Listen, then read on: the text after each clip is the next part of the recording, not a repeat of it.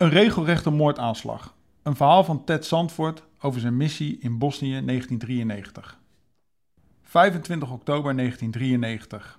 Ik sta weer vroeg op. Het is koud en kil op deze maandagochtend. Een beetje mistig.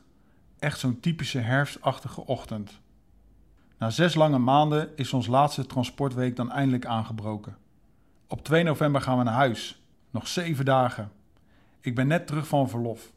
Daarom hebben we afgesproken dat Ron Delen vandaag voorop rijdt.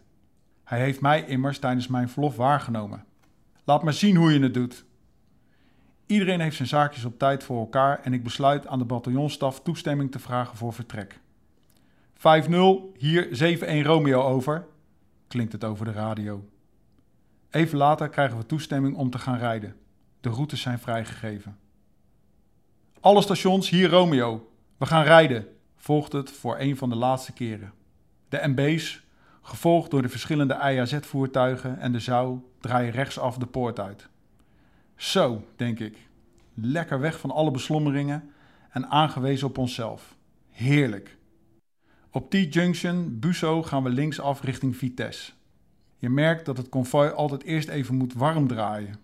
Juiste afstanden, steady snelheid, radioprocedures, maar al gauw draait het weer als vanouds. Op T-Junction Vitesse linksaf, waar de kapotgeschoten bussen lange tijd stonden, richting Novi Travnik. Als we Novi Travnik weer uitrijden, horen we schoten. Redelijk dichtbij, zeg ik nog tegen Michael Kleibergen, mijn chauffeur. Plotseling worden we totaal verrast door iets wat ik nog niet eerder heb gezien. Iets komt met een spoor van opspattende vonken van het asfalt met hoge snelheid op ons af. Met harde klappen van inslaande kogels wordt ook onze MB een aantal keer getroffen. Helm, helm, helm op, rijden, rijden.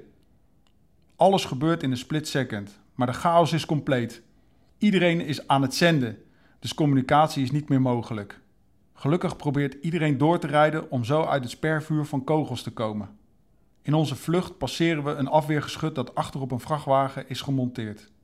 Het vuurt over ons heen naar achteren, gelukkig maar. Verderop staat een UNHCR-vrachtwagen van het konvooi voor ons. Het is tegen een rotswand tot stilstand gekomen. De chauffeur hangt over het stuur. Even verderop, waar we ons wat veiliger wanen, stopt de MB voor me. En niet voor niets.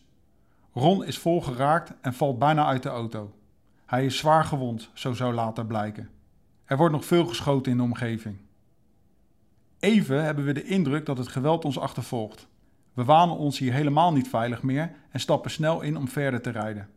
Veel verder kunnen we definitief stoppen. Ron verzorgen is de eerste prio, maar al snel blijkt dat er veel meer gewonden zijn. Negen in totaal, om maar niet te spreken over de geestelijke schade die het in de loop der jaren zal brengen. Gelukkig hebben we de zou bij ons en de twee gewonde verzorgers nemen de zorg voor Ron van ons over. Al snel blijkt dat niet alle voertuigen zijn aangesloten. Waar zijn ze? In de hinderlaag toch tot stilstand gebracht? Ik kan hier niet afwachten. Er moet wat gebeuren. We moeten terug.